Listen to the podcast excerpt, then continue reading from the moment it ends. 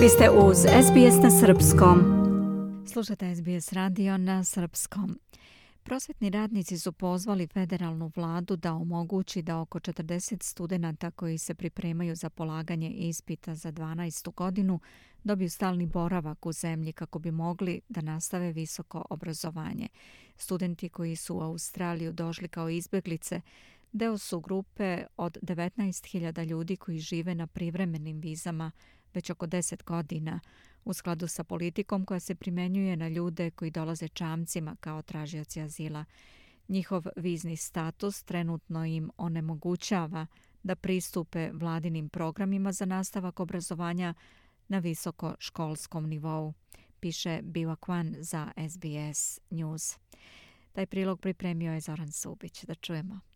Na neki način, 19-godišnja Asma Naim Ulah smatra sebe jednom od srećnijih osoba.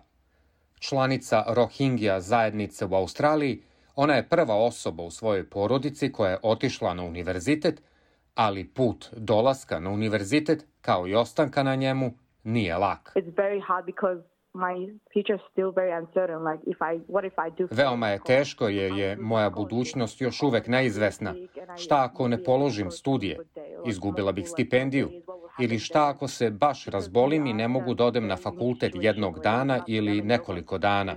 Šta bi se onda dogodilo? Jer smo mi u jedinstvenoj situaciji, jer nas nema mnogo. Univerziteti nemaju puno studenta koji su na tim vizama, kao i u takvim situacijama. U principu je kao da živimo u rascepu. Ona u prvom pokušaju nije bila uspešna pri apliciranju za fakultetsku stipendiju, tako da je izgubila godinu dana obrazovanja, a to nije bio njen izbor. Ljudi misle da ja namerno nisam išla godinu dana na fakultet, ali ja nisam imala izbora. Osećala sam se kao da sam baš nazadovala gubeći godinu dana obrazovanja. Ljudi ne misle da je to velika stvar. Uvek možete pokušati sledeće godine, ali nije tako uobičajeno da uspete da se upišete sledeće godine. U slučaju da ne uspete jedne godine, možete pokušati druge godine. Nije uvek tako jer neki moji prijatelji koji su takođe Rohingja i koji su diplomirali godinama pre mene i dalje nisu uspeli da uđu na univerzitet zbog vize, a imaju istu vrstu vize. Ona je jedna od 19.000 potražijaca azila koji su došli brodom i koji imaju vize privremene zaštite ili Safe Haven Enterprise viza, do skoro 10 godina trajanja. Status vize ograničava mogućnost rada, putovanja u inostranstvo ili studiranje, uključujući i pristup vladinoj pomoći za troškove studiranja dok studiraju na univerzitetu ili tejfu. To je uticalo na prihode u porodici za njene roditelje i za nju, kao i za druge u sličnoj situaciji. You know, students who are not international students, but they are placed as Znate, studenti koji nisu međunarodni studenti, ali su osigurali mesto na fakultetu, a koji se smatraju kao međunarodnim studentima, a u stvari su izbeglice i potražioci azila. A srećni su što imaju makar priliku da uđu na fakultet. Znam mlađe ljude od mene, kao i starije, koji još uvek nisu uspeli da se upišu na fakultet ili koji su sada uplašeni dok polažu ispite u 12. godini srednje škole. Njihova budućnost je veoma neizvesna.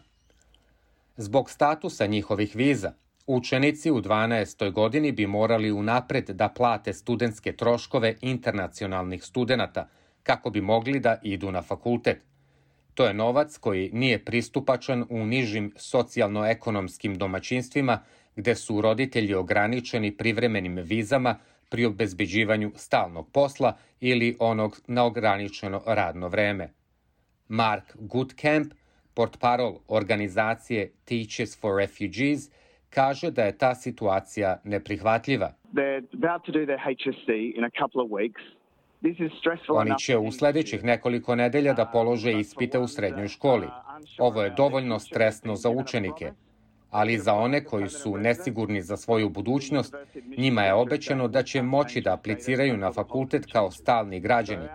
Ali Univerzitetski centar za upis kaže ne možemo da promenimo viza status sve dok se smernica ne promeni. Tako da je naša poruka laboristima požurite. Uradite to i prebacite ovu decu kako bi bili bar manje stresirani kada idu na ispite za nekoliko nedelja.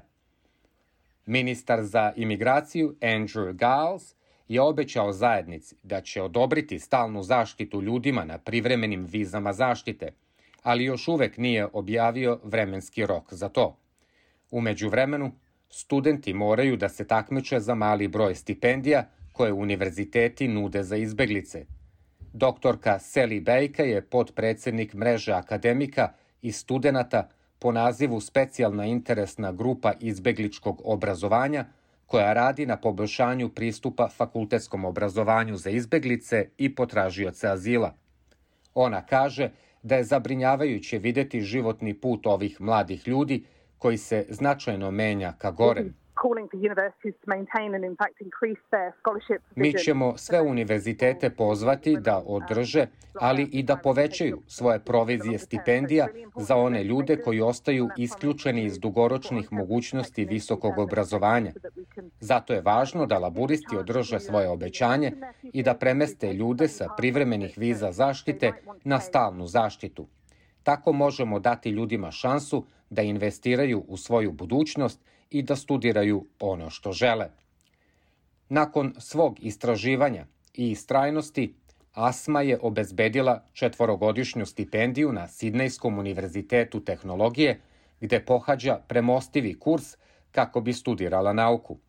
Ona želi da postane doktor, ali kaže da stipendija ne bi pokrila vremenski puni trening i morala je da nađe drugi način da ostvari svoj san.